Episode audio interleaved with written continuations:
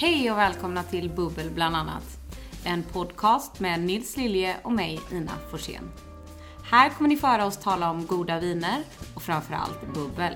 Ni kommer få lära er mer om dryckens värld, få bra tips, intressanta gästinslag och förhoppningsvis rolig lyssning.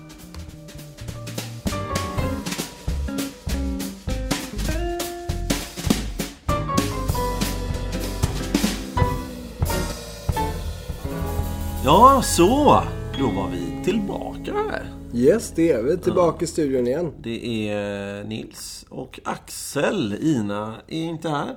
Jag har tagit Inas plats. Ja, det har du. Och det får du göra. Härligt. Tack, tack. Ja, tack. är hon inte tillgänglig så får jag ersätta henne. Ja, så är det. Så är det. Även om hon är oersättlig. Ja, såklart. Självklart. Nej, vi är ju inne på Jacques Celos eh, som vi testat. Och eh, det är ju ett väldigt, väldigt, väldigt häftigt vin. Det är det absolut. Och alltså, just när vi säger vin, det är ju fortfarande champagne. Men det är ju väldigt vinöst. Exakt. Det är mer snarare alltså, det är ju ett vin med bubblor. Alltså ett stilla vin där man tillfört en extra dimension. Och där vinet fortfarande är fokus snarare än kanske standard champagne där man ofta behöver en extra dimension med bubblor för att det ska bli något intressant överhuvudtaget. Ja. Nej, men precis, precis. Det här, ja, bra. Till det här kan vi till, alltså man kan ju tillägga också om man har lite så här inside information att eh, som inte är så himla hemlig i och för sig, men Ensemble som är vinmakare och ägare av, av eh, Celos eh, har ju faktiskt utbildat sig i Beaune, alltså i Bourgogne. Så han gör ju champagne på burgundiskt vis. Ah, men det är därför det är lite ekfat och grejer inblandat. Ja, han tänker också på det som vingårdslägen som vi pratade om i förra avsnittet. Att man, när man klassificerar champagne, så har man klassificerat byar som eh, kollektiv. Mm, Medan man i då Bourgogne har eh, snarare klassificerat alltså små, små plotter. Det kan vara få rader hit eller dit. Ja. Och ja. eh, så Det har ju han en, tänkt då. eh, Nej, förlåt. Men det finns Mm. en eh, dokumentär. A year in Burgundy. Ett år i Bourgogne. Ja, På Netflix. Och där får man, alltså sjukt det verkligen är inlottat där i med att det handlar om en meter hit och en meter dit. Och det är skillnad och det vinet där kan kosta hur mycket som helst. har vi tid att dra, dra en förklaring av det här eller är det för, tar det för lång tid? Ja, vi kan dra det. Jag är ändå rätt duktig på att dra ut på det, men du är ännu Jag är galet. Ja, jag är helt, helt Nej men kör! Varför inte?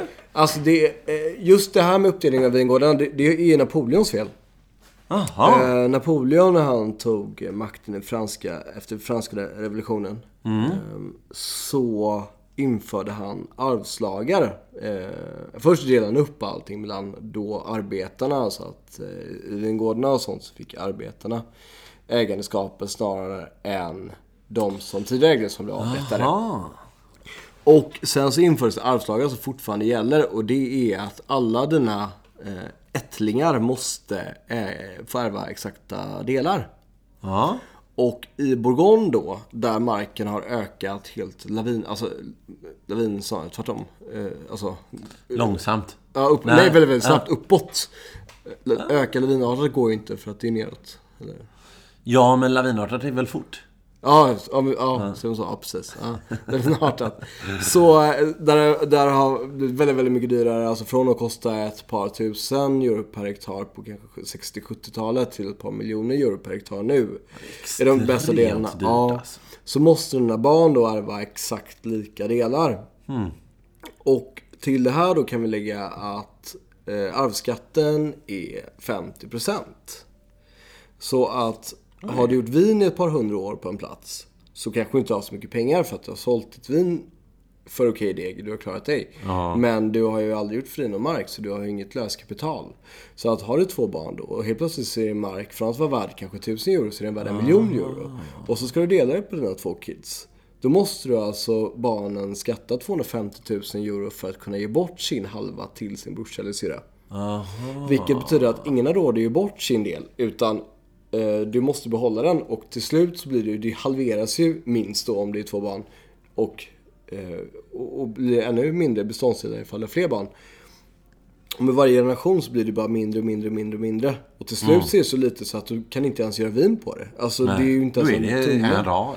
Ja, och ditt enda knep då det är ju antingen att bara lägga ner det och inte göra vin. Eller att börja sälja druvorna till ett kooperativ. Så att de stora kooperativen då, Brocard och sådär, i norra Bourgogne. Det är ju de som har dragit vinst på det här egentligen. Men just då att eh, i den dokumentären så är det ju verkligen att man har ju upprutat eh, vingårdarna och i, i hela Bourgogne. Ja, verkligen att men det, alltså terroiren ska ju vara något extremt då, att det skiljer sig och hit och dit. Men det måste ju vara alltså, druvan också då, Pinot Noir, som spelar in i det hela. Um, Pinot Noir är ganska oxidativ i sin vinifiering och den är ganska svår att odla för att den är känslig mm. överhuvudtaget. Och sådär. Det luftiga klasar visserligen men den är ganska känslig. Ja. Däremot i Bourgogne så är det kallt. Sen är champagne ännu kallare för att det är mer norrut. Men Bourgogne är kallt och uppdelningen av vingårdarna där, det har ju munkar gjort alltså från, alltså för hur länge sedan som helst. Ja, just det. Eh, och ehm, de har ju då kollat, eller det man brukar säga i alla fall, det var ju inte någon av oss som var med direkt, men det man brukar säga i alla fall, det är ju att de såg de vingårdarna där, eh, där snön smälte först. Det var ju de som fick längst växtsäsong. Alltså, de, för att de hade ju mer soltimmar, fler soltimmar. Aha. Så att de soligaste vingårdarna har ju varit de som fått mest. Och sen nu för tiden så heter de ju klå och sådär. Klå är ju en gång med mur runt. Precis. Aha. Murar får du inte bygga längre. Nähä. Men förr i tiden så byggde man ju de här murarna för att det var de bästa vingårdarna. Och Men vad, får man, inte, man, får inte skapa en ny klå? Eller nej, det får du inte. Nej, inte i Bourgogne och sådär. Kanske i Languedoc eller, eller liksom... Nej, nej, nej. Nå, Men i champagne då? Kan man göra det? Alltså det är också sånt eh, traditionalistiskt område, ja. så det är tveksamt. Men, men det är också, de här murarna byggdes ju för att man var ju inte bara vinbonde, utan man var ju allmän bonde som också hade vin. Och då ville man ju inte att sina grisar skulle äta upp de bästa druvorna, så det var ju därför Nej. de var byggda. Det är det som är så kul. Mm. Att det finns en sån naturlig förklaring, att det är en mm. bonde som har faktiskt då grisar. Och eh, som smyger runt och kanske vill äta lite druvor, såklart. Ja, det kan och, man väl det. Om man är gris ja, så käkar lite Grand Det var när jag pratade med en, eh, en rödvinsproducent, eller vinproducent i eh, La Morra i Barolo. Ja, fantastisk by. Ja, väldigt trevlig. Långt upp. På, längst upp i La Morra låg hon då, Gabriella Spalino. Och hon pratade om att de hade väldigt mycket problem med vildsvin och grejer som smög in på vinmarkerna. Och, så de fick ju gå ut ja, ibland med kvasten och försöka jaga bort dem. Och då förstår man ju att man bygger de mur runt egentligen för att de inte ska mm. komma in åt druvorna och äta druvorna. Men, eh, och det är det som är, faktiskt som var väldigt kul när man kommer till, eh, som gick på SVT, en dokumentär. Som heter Sour Grapes. Mm. Som handlar alltså om bittra druvor. Så handlar just om eh, vinförfalskningar. Att man kan fejka ett vin och sälja då på, en, på auktion och sådär. Och då fick man följa en, en producent i Bourgogne som hade en klå. Men han, den klån då, alltså det är en, klå innebär att det är en instängd vingård med mur. Precis. Och den var då anlagd 73 eller någonting tror jag den klån var. Men på den här aktionen så såldes det viner från den här klån på 60-talet. Så att det var vin från 60 i den klon, men klon var inte anlagd förrän 73. Så att eh, då var det uppenbarligen falska viner, helt enkelt. Så det finns ju väldigt eh, spännande och roliga grejer det att följa det hela. Ja, verkligen, verkligen. Nej, det, det finns mycket. Och det finns ännu mer. Precis, och det är som är kul med vin, att det tar aldrig slut. Nej. och ju det... mer man kan, det har jag verkligen försökt... Ju mer man kan, desto mindre... Äh, ju, ju mer man lär sig, desto mindre kan man. Ja, verkligen. verkligen. Det är, det är så med många ämnen, men, men med vin mm. så, så det är socialt också. Som nu till exempel. Ja. ja. Vi har ju fortfarande då Jacques substans här. Det är ju en extremt häftig champagne och det är, man ska inte eh, förringa det. Det här ska man inte... Det här ska drickas på rätt sätt med vördnad och omsorg på många sätt. Då. Vi kan även, I förra avsnittet så pratade vi mycket om, eller pratade vi en hel del i alla fall om den här frågan du hade fått om, mm. eh, om hur modernt och, och varför det är modernt. Ja, precis. Och det är just, om man ska svara på den frågan per se, så är det ju för att Alltså Sloss har ju använt mycket, mycket mer ek. Man gör ett mm. vin eh, som mm. man sen gör andra vinifiering på. Champagne i övrigt, när man gör ett basvin, alltså Verney Clair, som man sen ska liksom eh, göra andra jäsningen på. Den, det är ganska enkelt vin. Det är inte så intressant, det är inte så gott och sådär. Det här kan jag tänka mig ganska gott som första vin. Ja. Ja, verkligen. Och För det är så här det blir. Ja, och Solos är ju, är ju faktiskt, eller inte känd så, men man brukar prata om att det, han är en av de sista som skördar. Han använder väldigt, väldigt mogen frukt och sådär. Jo men just alltså, som du säger, det, här, det, här, det är så här det smakar och det, här, det hade varit väldigt gott basvinet då, på det. Men det, och det har legat till sig, kolsyran lägger till den extra dimensionen. Den är där, men den är bara där och nafsar lite. Ja, verkligen, verkligen. Eh, det, är inte den, det är inte första fiolen. Nej, Det är, ja, och det är, det är faktiskt man, när man skiljer då, om man köper en flaska champagne för 300 kronor eller man köper en flaska champagne, som- i det här fallet kanske för 2000 då. Så är det ju, smaken är, det skiljer sig. Det är, är häftigt. Man känner det är ett annat hantverk. Det finns en annan lagringspotential och lagringsduglighet och allting i det här alltså. Sen så är det ju självklart alltså oavsett hur, hur, hur välutbildad och hur eh, insatt man är i vin så är det ju alltid något speciellt med att dricka Alltså sådana här viner från till exempel Celos eller andra väldigt, väldigt så här legendariska vinmakare med, en- med en... Det pratade jag och Ina om för några avsnitt sen. Att om man skulle dricka DRC, alltså Romane Conti, jättefina viner då, från Bourgogne. Och blinda det. Hade man inte vetat det, hade fått ett, ett rödvin i näven och så kostar det extremt mycket pengar. Ja, upplevelsen egentligen är ju... Inte det är klart samma. att man hade tyckt att det var häftigt. Men det, det är ju upplevelsen av att man vet att det är det. Det skapas då 3000 sådana här flaskor och det kommer ifrån en- ett Solera-system ifrån 86. Och det, och det är desto utdöende va? Så, Precis, alltså det är precis vad jag tänkte komma till också att det är ju inte... Alltså, Celos är modernt.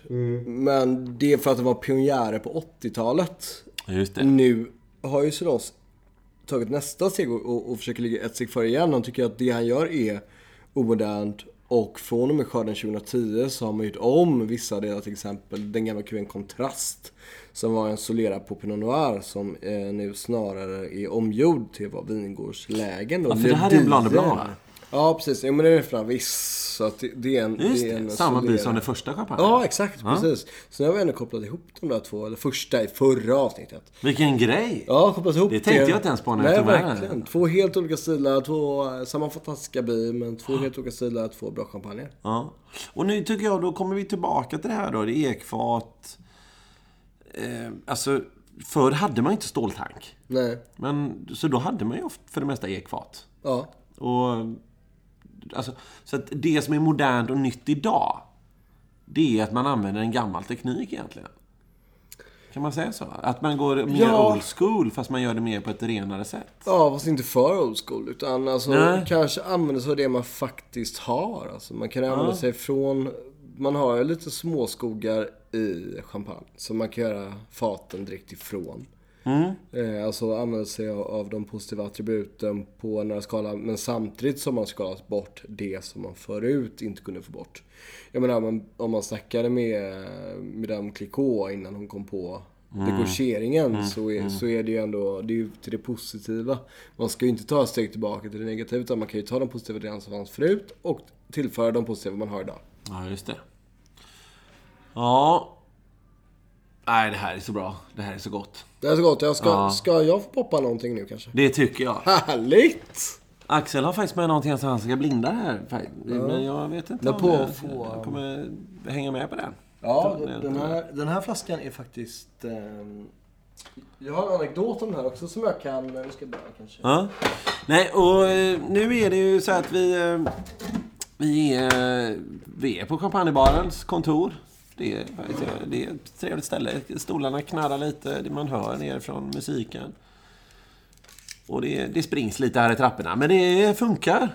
Det gör det det är verkligen. härligt. Det är eh, en härlig kärlek här. De flesta människorna som är här är väldigt glada och nöjda och fulla med kärlek. Ja, alltså, det, det, Så liksom vi. Jo, men står man här och öppnar 100 flaskor champagne på en dag, det är klart att... Ja. Och du- och du det är inte mycket negativt. Ja, du är bara gäst. Ja, precis. Nej, så är det.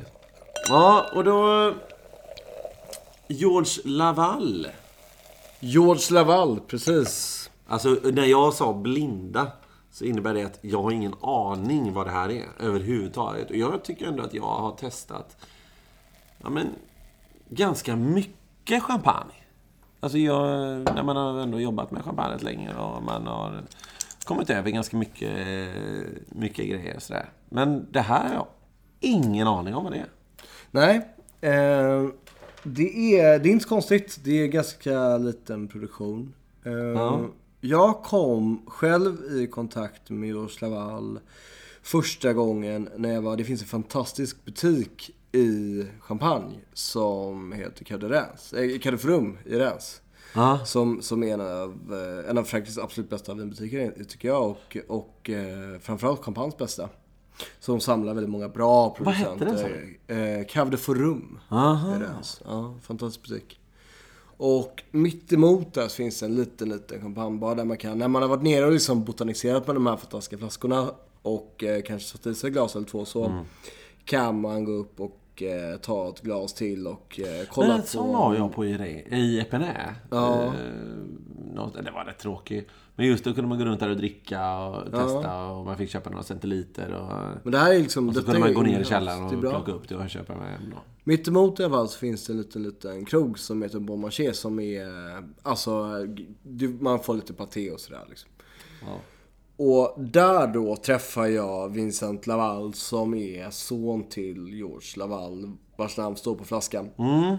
60-årsåldern någonting. Eh, och eh, yvigt hår, pratar ingen engelska utan det yvigt hår, pratar, skriker mycket, hälsar på alla. La, la, la.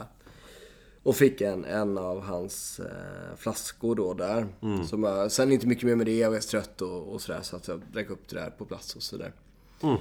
Eh, sen dagen efter så var jag på ett besök på, på La Herte. Och då var han där också av en slump. På samma vingård. Så att jag, eh, jag bokade ett möte med honom två dagar senare. Så jag åkte dit då två dagar senare och, eh, och hälsade på. Och det är nämligen så att Vincent Laval är en väldigt speciell person, väldigt, väldigt trevlig. Och han är ordförande i Ekologiska vinodlares förbund i Champagne. Jaha. Så han är väldigt, väldigt så här, drivande i ekologisk produktion. Eh, De har själva aldrig besprutat.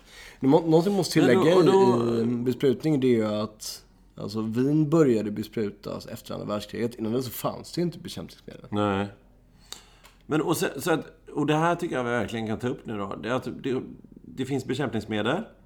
Och så finns det bekämpningsmedel. Ja. Och det som skiljer då mellan ekologi och eh, ja, konventionell odling då. Är ju att du inte får använda konstgjorda bekämpningsmedel. Nej, konstgjord. Nej, precis. Alltså- Konstgjord gödsel och sådär. Ja. Att det, det, du får bespruta, men du får då använda ja, mer eller mindre naturliga ämnen. Det finns ju alltid knep tycker jag. Så här, man kan bespruta till exempel med filmjölk eller den typen. Och man kan te vissa blommor och sådär. Bordeauxvätska. Ja, bordeauxvätska för den del. Nej, men då det är det som är eh, spännande på ett sätt. Och det jag tycker det där är... Vi ska faktiskt eh, köra ett avsnitt med naturviner och alltså, alltså biodynamik och ekologi och sådär. Och gå in egentligen vad, vad faktiskt det är. För det är en jäkla djungel. Ja. Men eh, det är spännande. Men de har aldrig gjort det överhuvudtaget? Alltså. Nej, Nej. det har de inte. Det är en liten gård. Han, han är självägare. Eh, De gör altkällan. Och detta är faktiskt den enda gården som, vad jag känner till, som fortfarande använder eh, eh, pupiter. Alltså att, att snurra sina flaskor för att få ner, eh, alltså ridlar flaskorna. För att få ner för hand. Vi har faktiskt en sån original som står här. Ja, där står den där. Ja. Eh, som är från... en flaska. Ja, jag vet. Det är för att jag har sagt att jag kan tänka mig att ta med den hem. Men det är rätt många. Det är tre gånger 15 då, gånger två. Så att det blir några flaskor i den. Ja. Men jag, vill, jag kan tänka mig att ta med den hem. Den är från eh, Philippe Glavé. Okej, nice. Jag källare. Men de använder fortfarande sagt, de använder, Mm. det, det, de ridlar allting för hand och en anställer bara så här unga problembarn, du vet. Problembarn i skolan. Jaha. Som inte kan gå i skolan. Så alla är typ 15 som jobbar och är så här, det är bara bara nice gäng liksom. Åh, vilken grej. Ja, verkligen. Super, super nice. Hur som helst då, detta är en Brut Natur. Eh, Det är från Cumier, så att det är Marne.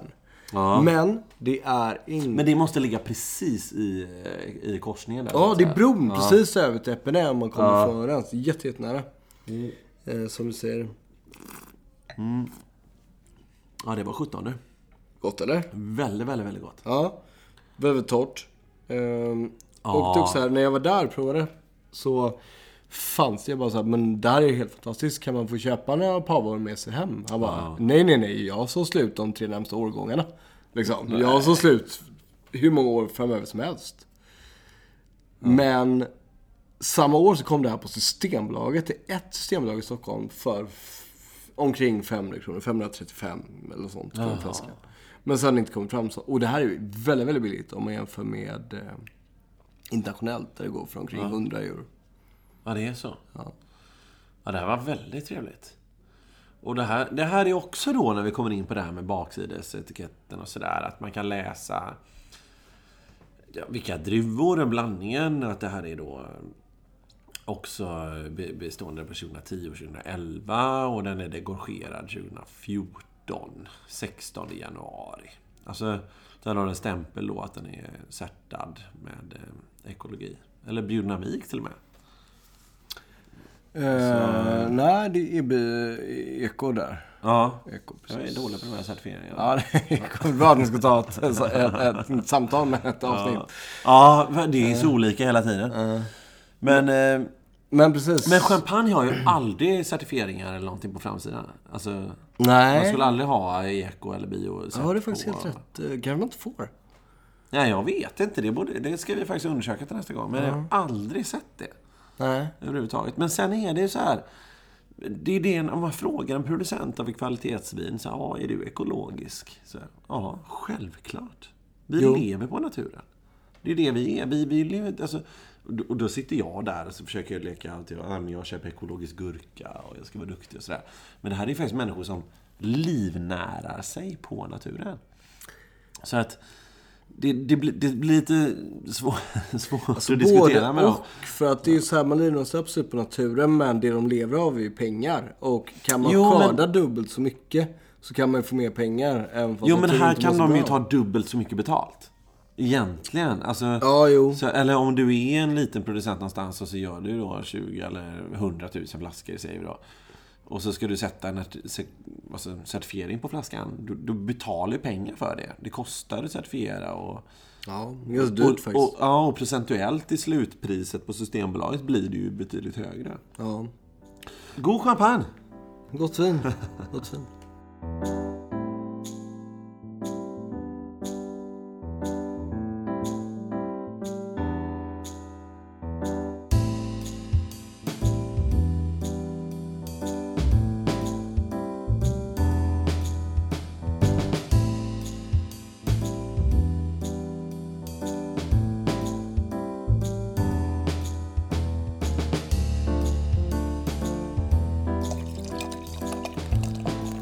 Du Axel. Yes. Ja, det här var inte... George Laval. George Laval, ja. Bra grejer. Köp det inte, för jag vill ha så många flaskor som möjligt. Det är svårt att få tag på. Men det gick inte. Nej, men det går ibland uppenbarligen. Vi har en flaska här. Ja, Så, ja det, kan man ju säga. Men hade du köpt den här i Sverige eller? Det var på plats va? Jag har köpt i Sverige. Jag har sett att man kan köpa det ibland i, i Barcelona av konstanledning. Eh, Jaha. Men, eh, men eh, på plats är helt omöjligt. Ja, det är så. Ja. Han är har varit på restauranger och sådär, men inte, inte övrigt. Ja, spännande. Yes. Nej, men det här med... eh, Vi har ändå gått igenom då... eh, Alltså... Nytt, gammalt, vinmakning. Vad Känner du att det är något mer vi ska ta upp här då? Så vi kan ju lite prata om de här olika alternativen och olika alltså, vägvalen vinmakaren har i eh, utformandet av vinet. Det finns så himla mycket och i vanligt vin, alltså stilla vin, så finns det ju många val. Men när det kommer till bubbelvin finns det ju ännu fler val. Alltså, det är så små variabler som kan avgöra en slutprodukt. Ja. Och det, alltså, och det är ju... Det är väldigt... Det, det är alltså som en del vi har blivit nerbjudna några gånger i, på hösten där till jul. Så här, att komma ner och dricka Van Clair, till exempel. Och då, då har du vinifierat och många väljer då att man har olika mm, vingårdslägen i olika byar eller olika områden och sådär. Att man väljer att vinifiera det separat. Man kan smaka på det. Vad, kost, eller, vad smakar det där? Och vad smakar det där? Och sådär. Sen så gör man sin assemblage. Men det finns så mycket mer man kan göra. Så just när vi pratar om det här så som sagt, alltså stoppa mig om jag pratar för mycket för att det, det finns oändligt många små variabler att, mm. att gå mm. igenom. Men när det kommer till champagne så är det väldigt, väldigt viktigt i och med att man gör ett klart vin på eh, delvis blåa druvor. Mm. Så är det väldigt viktigt att man inte får med någon blå, alltså, eller någon färg från skalet. Nej, får precis. man det så får man ju helt, helt plötsligt ett, ett färgat vin, alltså ett rosévin eller liknande mm. från någonting, vilket inte är önskvärt. Ja, ligger det tillräckligt länge så blir det rödvin. Precis. Och eh, därför så pressar man ju ofta inte i sitt vineri, utan man pressar ju ofta i presshus som ligger ute bland vingårdarna. Mm. För att få det så färskt och så ja, nypressat som möjligt. Precis, för att det inte ska hinna macerera i sig själv. Och, och man skördar ofta i korgar som har hål i sig och sådär. Så att om en druva pajar så... Så rinner det ut? Ja, så rinner det ut. Precis, man kan... Det är det man kan ja, läsa då, 25 kilos korgar och allt vad det precis. kan vara. Liksom. För att göra det väldigt, väldigt komplicerat så är det så att i champagne så talar man om eh, enheten MAR. Alltså M-A-R-C. Och det ställer till det väldigt mycket för att det betyder även, det är även spriten från, eh, från mm. destillerat mm. och sådär. Men en mar är 4000 kilo druvor som är skördade.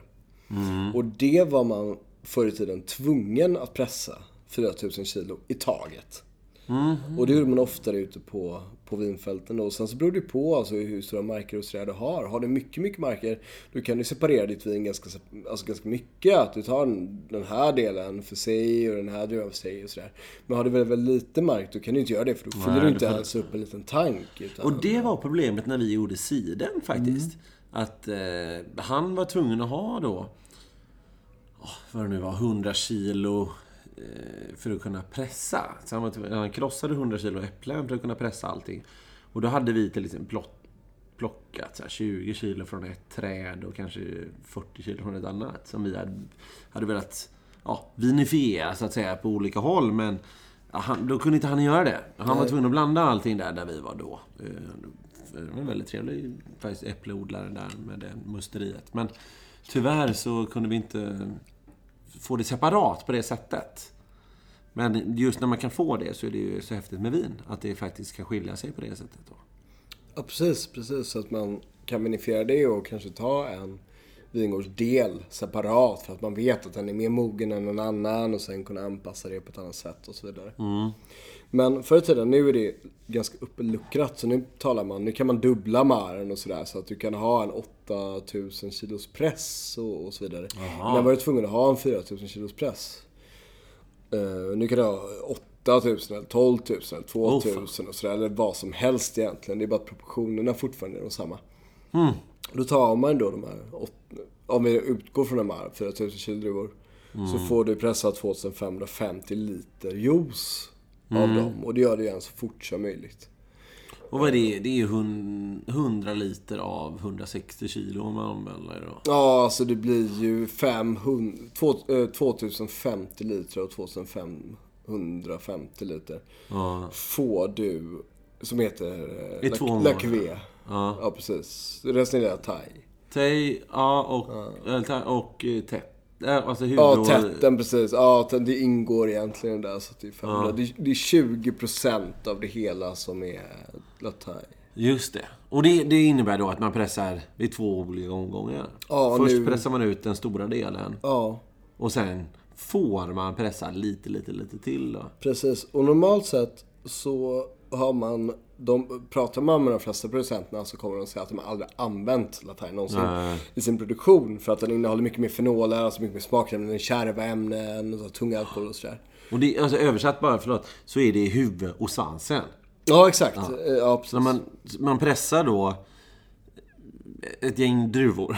Så, så säger man då den första musten som kommer kallar man för huvudet. Och sen får du kalla, eller eh, dropp, Så och så pressa lite till och så blir det då svansen. Precis, exakt. Och, Då vill eh, man alltså man egentligen inte ha med svansen. Ja, men det är, det är dumt det där för att många säger ju så här, det skulle vi aldrig ha för att det fått en dålig klang. Men det, svansen är ofta eh, väldigt, väldigt intressant för att den har mycket smaker, mycket fenoler. Alltså, däremot, Mm. jag tycker inte man ska använda hela men, men att använda delar av det för att skapa en bar, det är för att skapa liksom Ja, en tyngd. och Ja. då, ja. Och framförallt om man är i Cote Blanc, att man har en, alltså, Ja, en precis. När man lätt- ligger på Chardonnay. Ja. Ja. Då kan man använda det till något positivt. Mm. Men för det är ju det som är då när man, när man pratar med mindre producenter då som odlar champagne då så att säga. När man äger sina egna marker, när man gör bara på sina egna produkter. Och så. så väljer de ofta att bara använda första pressen, huvudet då. Alltså, och så väljer man att kanske sälja andra pressen till en, en annan större producent. Till exempel ett stort varumärke som man måste köpa in för att göra sina miljontals flaskor. Då, då blir man ju lite så här man, man förstår ju det strukturen, man vill få upp det, men Måste du köpa in andra pressen av många, många, många producenter så känns det så, inte så jävla gott. När man bara gör någonting på det. Nej, men jag tror att faktiskt att... Nu tror jag inte det någonsin har hänt, men jag tror ändå att man skulle kunna lösa det till något positivt. Ja. Det är ett sånt kallt område och att det finns ändå sån lättnad och sögsyra och allting. Så jag tror ändå man skulle kunna göra ett bra vin på det ändå. Ja, man får göra det till vad det är. Exakt, exakt. man Och använda får- de positiva delarna och försöka dämpa de negativa. Ja. Som vissa bitterheter och sådär. Mm. Man får klä om det. Klä om det exakt, exakt, exakt. Men det här George Laval var väldigt trevligt. Ja, visst är det gott. Det, det är en helt annan stil. Det är ju en väldigt frisk stil.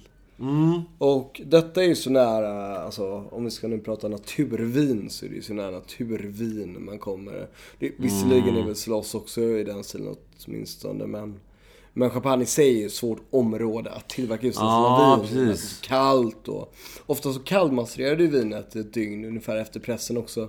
Så att du får ut lite mer aromer och sådär. Och då måste du tillsätta sulfit så att du dödar naturlig jäst. För annars kommer du aldrig kunna få en stabil jäsning när det väl sätter igång. Och minsta lilla tillsats så får du egentligen inte kalla det då för naturvin då. Nej, nej precis. Det Men det är det som är, jag tycker naturvin är, det är ju helt eget avsnitt för det är något extremt speciellt. Eh, Jag, tycker, jag gillar att sätta den här stämpeln på någonting. För frågar du något annat då, ja, hur onaturligt är ert vin? Ja men som Alltså- du säger, precis. Och, och exakt som här också. Att det är lätt att säga att en, en producent eller framstående ekologisk vinmakning men i, ehm, men i det stora hela så kanske många andra alltid gjort det ekologiskt. Alltså det är väl snarare som många vinmakare själva säger att man kanske snarare skulle ha en märkning ifall man besprutar snarare än att ha en märkning ifall man inte besprutar. Ja, och dra det till att kan man kanske ska på Systembolaget sätta upp då mer prismässigt att de här vinerna kostar 50 spänn för att de ja, man har, de här druvorna är extremt utsatta för mycket skit. Som man använder och de som står där och besprutar med, de vet inte vad det är de använder kanske. Nej, Och sådär. Att okunskapen och omedvetenheten och sådär kring vad de besprutar med. Och ja, bag-in-box-viner, områden där man gör det, mångmiljonliters områdena. Att alltså, 50% av de som jobbar där får cancer och sådär. Det, den medvetenheten och kunskapen, eller okunskapen, är ryslig när man är på den nivån. Men kliver man upp då på kvalitetsvin och skillnaden mellan ett naturvin och ett onaturligt vin. Liksom. ja precis. Var går gränsen egentligen? Hon med vildsvinen där, Gabriella Spalino i Ja. La Morra. Jag frågade, hon blev ju alltså, jättearg nästan. Så frågade jag, ja men är ni, jobbar ni ekologi eller vad tänker ni med ert, eh, eran odling här? Och hon sa, men vi, vadå? Liksom? Men varför ska vi betala pengar för det? Så? Varför, ska vi sätta, varför ska vi sätta en stämpel? Vi vill ju det här. Det är ju det. Ja, precis. Precis. Och, och det är helt sant. Det är ganska Och det måste vara som George Laval. De har gjort det så länge. Det är så naturligt för dem i sitt liv. Och de vill det. Och Ja, det smakar precis. väldigt gott. Ja, det är supergott. Eller? Skål, hörru. Ja. ja, du Axel, vi... eh, Champagne i all ära, men det här har faktiskt ett stilla vitt vin. Vad ska vi bara... Härligt. Ja. Vad, du har ju ändå faktiskt bott och jobbat nere i, i sydöst, sydvästra, är det? Sydöst? Ja, det beror på hur man ser det. Men precis, jag har bott och jobbat lite grann i Languedoc. Det är helt korrekt. Ja. Och det här är nerifrån just Minervois i Languedoc. Exakt. Var i en, eh, ett naturreservat, kan man säga. Ja. Eh, lite in mot landet, Languedoc. Ja. Languedoc är väldigt, väldigt stort och det mesta som görs är ju väldigt dåligt. Men ja, för det har gjort så extremt alltså, stora Ja. kvantiteter Ja, där precis. nere. Det mesta är dåligt och alltså dåligt vin. Men det har också gjort att markerna har gått ner i pris. Och därför har unga vinmakare som har mycket, alltså lite Mm. kapital men mycket idéer råd att etablera sig. Och markerna är intressanta. Det finns mycket roliga terroir, det finns mycket Mm. roliga förutsättningar och sådär att göra bra vin. Och framförallt när det är så varmt och torrt så kan man göra mycket ekologiskt utan att bespruta. För man har inga problem med svampsjukdomar och så Ja, just det. Just det. Så det är supernice. Och det här är då, man lämnar eh, alltså Provence och Marseille i ryggen och drar ner mot eh, Spanien. Ja, precis. Mot. Spanien på Medelhavssidan, exakt. Ja, just det. Och alltså, som du säger, alltså stora kvantiteter, mycket vin har kommit därifrån. Alltså för, för några år sedan var det sju, alltså väldigt ekade viner. Man hittade på, man körde på med allting. Liksom bara för, och så mycket av allt sådär. Men nu kommer då de här lite mer hantverkarna. Alltså, för man kan lägga då lite mer tid på det på det sättet. Men köper man billig mark så kan man lägga lite mer Mm. krut på alltså, vinmakningen. Då behöver Ja, man exakt. skörda lika mycket och man behöver inte köpa lika dyra fat. Och man behöver inte ta lika mycket betalt ut heller. Nej. Precis. Så, så, och det är positivt. Alltså, om pengarna snarare ligger i, i hur, hur noga man, eh, man behandlar vinet, sina druvor och sin frukt, så, så är det, ju- man betalar hellre för det än för namnet. Ja. Egentligen. Och det här är ja, Le Clos de Jar eh, Utopie heter det här vinet. Eh, och det är Vivien, heter han, eh, alltså vinmakaren. Han tog över det här, vet jag, för några år sedan. Och det har gått ja, bättre och bättre. Han eh, har utökat med någon hektar varje år och sådär. Och eh, jobbar väldigt naturligt med sina viner då, helt enkelt. Men eh, sen, diskussion naturvin eller ej, det tänker inte jag ta. Nej, det, det, det, är eh, en lång, det är en lång historia, Ja. som sagt. Men vi, jag vet att eh, jag träffade honom på en eh, alltså, vin, vinnaturmässan i Montpellier. ja. Jag Vivian. Och, så att han utstrålar sig som en väldigt då, alltså, eh, han är alltså biodynamiskt certifierad och hit och dit.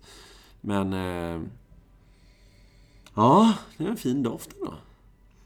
Det är nice. Det är väldigt, väldigt många frukt. Det konstigt för att det är, är ju i ett varmt distrikt. väldigt varmt, ja. Varm Men frukt. det- Lite tillbakadrag, ja. Ja, men, men det är gott. Alltså det här är, vad jag skulle säga, superbra lunchvin. Det finns de här tunnorna av Alltså solmogna gula äpplen, lite, Mm. inte så tropiskt utan snarare så gul frukt, kanske det är stenfrukt, persika, Mm, och så vidare. verkligen. Syran kanske är något i det lägsta laget för att fortfarande vara acceptabel, men den är, den är Mm. balanserad. Den är där, fin. men den är på snudden. Det är ändå 2014, så att det är. Ja. Det, jag som, som uppskattar rostade mackor med ost på väldigt mycket. Eh, så det här är den perfekta juicen. Till säger lunch, lunchvin, så är det Exakt. rostade mackor med ost. Nej men, nej, nej. Det är inte min normala lunch. Men, men eh, ifall min lunch skulle vara rostade mackor med ost och smör på så hade det här varit min juice till det. Ja, det är så? Ja, Ja. Men du, jag gillade uttrycket lunchvin faktiskt. Det har jag Mm. inte riktigt eh, själv anammat. Vad, eller, vad menar du med lunchvin? Är det till lunchen eller är det som vi pratade om rosévin, att det är rosé de piscine? Alltså, ja. Är det det du tänker eller är det mer att det funkar just till... Alltså, eh, jag, jag gillar ju när man alltså, till lunchen dricker... eh, Det är någonting som inte finns i Sverige på det här på något sätt, eh, riktigt. Men Men jag gillar ju att ta en liten rosé och så en liten karaff rött Mm. till lunchen. Och så dricker man i sin, ur sin lilla karaff rosé innan lunchen och så dricker man sin lilla karaff rött till lunchen. Ja, och det är, det är det bästa med att vara i Frankrike. Det är ju Det är att du kan ta karaffer. Ja. Och du kan välja mellan 25 centiliter och 50 eller sådär. Men att... Så Du kan det ta en liten karaff. också. Det går. Ja, ja men det kanske är en hel, en hel balja om man vill. Men att du kan ta en liten karaff. Du köper inte en flaska utan kör en karaff. Och det är väldigt, väldigt trevligt. Framförallt i sån här alltså, sommelier-mind så är det rätt skönt att kunna ta en karaff. För att det är så här total sinnesavkoppling att man inte behöver tänka så mycket på vad det smakar eller var det kommer ifrån och sådär. Utan det är vin. Hade jag frågat, du får ett enkelt glas, du får inget vinglas, man får ett enkelt glas och sådär. Hade man frågat servitören där, vad är det här för någonting? Så hade han sagt, jag har ingen jävla aning liksom. Nej, nej jag tycker det är trevligt. Och det, alltså det tycker jag är... Även om man har förmånen att jobba med champagne, med vin. Man testar mycket vin och champagne och sådär. Så blir det till en nackdel ibland. För att men vissa blir så nej jag visste inte vad jag skulle köpa på bolaget. Ja, jag, verkligen. Jag bara tog en flaska och sådär och jag hoppas det är okej för dig och sådär. Men då kommer jag där en fredagkväll eller en lördagkväll eller vad det nu kan vara. Så, alltså, jag är inte... Alltså, man lämnar ju det bakom Alltså, sig. det man, finns ju få saker som man skulle säga direkt nej till. Ja, Alltså, verkligen. de flesta och jag tycker uppskattar sig på ett öl sätt. är ju det bästa ibland. Bara Ofta, sitta och dricka en öl. För att då slipper man sitta där och analysera. och Ofta man det bästa sitta- med vinprovning är ju en blaskig lager efteråt. Ja. Även fast provningen i sig är väldigt underbar liksom. Att bara kunna släppa allt man behövt tänka på och få ett annat mindset. Ja. Alltså även fast det är kul med vinprovning så är det ju ändå en uppgift. Ja, men så att är det ju. dricka en hoff är inte en uppgift. Nej. Nej, men precis. Det är mer en, en härlig upplevelse. Exakt, exakt. Emellan. Hoffen är vinnaren helt enkelt. Hoff är ju något extremt bra. Ja, det är det verkligen. Lagom. Ja. Less is more. nej, men, nej, men, ja, det är, men det är som en kock. Och sen kock är ju inte alltid, alltid en kock. En kock. Det är klart att man analyserar maten. Man tänker kanske så här, ja det här var kanske inte så jävla bra lagat. Men, men, men det, det är inte så att man bryr sig. Nej. Alltså, det är inte så att jag sitter där och dömer någon människa bara för att de har köpt ett vin för 89 spänn. För det finns jättemycket bra viner för 89 spänn. Och sen finns det mycket dåliga viner också. Men det är ju så här... En, jag vill Och inte... börjar man inte någon ända så kan man ju faktiskt aldrig lära sig heller. Alltså, Nej. Jag menar, vi har ju också gjort vår beskärda del av felköp. Ja, ja, det är definitivt. Nej, och det är ju det, man ska inte... Man, man lämnar ju ofta, tycker jag. Jag försöker göra det i alla fall. Man lämnar sitt ja, yrke, om man kan kalla det då, på, iväg, alltså, när man är iväg. Sen beror det på vilket tillställning man är med i. Om man är med några stycken som tycker det är kul eller om man vill... Någon som vill höra någonting sådär. Men då kan man ta det då. Men jag tycker att... ehm, mm, Så är det. Ja, nej, så är det verkligen. Du, det här vittvinet, ja. Fin doft. Ja, Tillbakadragen, men gul frukt. Definitivt. julfrukt, lite ja. intorkad. Ja. En del sån, eh, nej men som sagt, en del, eh, en del senfrukt. Alltså persiska aprikos. Ja, nej, så är det. Du, det var väldigt, väldigt kul att ha med dig här, Axel. Det var väldigt kul att vara här. Ja. Få vara här. Och det här avsnittet, vi har faktiskt en flaska rödvin ifrån Champagne. Som är ett uttalat naturvin. Härligt. Och det heter Wild Wild Yeast. Gött. Så Wild Wild Yeast. Och eh, vi, vi kommer nog faktiskt bjuda in dig till det avsnittet. Där vi kör naturvin. Och ja, naturvin från champagne. Det är ju en ganska nördig del då, just naturvin och sen naturvin från Nej, det är champagne. för mainstream alltså. Jag kan Ja. inte. Nej, vi ska se. Vi kan bjuda in någon mer och köra back-to-back där. Men det är Ja, just, schysst eh, det hade varit kul. battle som blev battle. Så, eh, Tack så mycket för idag. Ja, tack, Tack. själv. Det här Ja. var väldigt, väldigt trevligt. Hej så länge. Hej!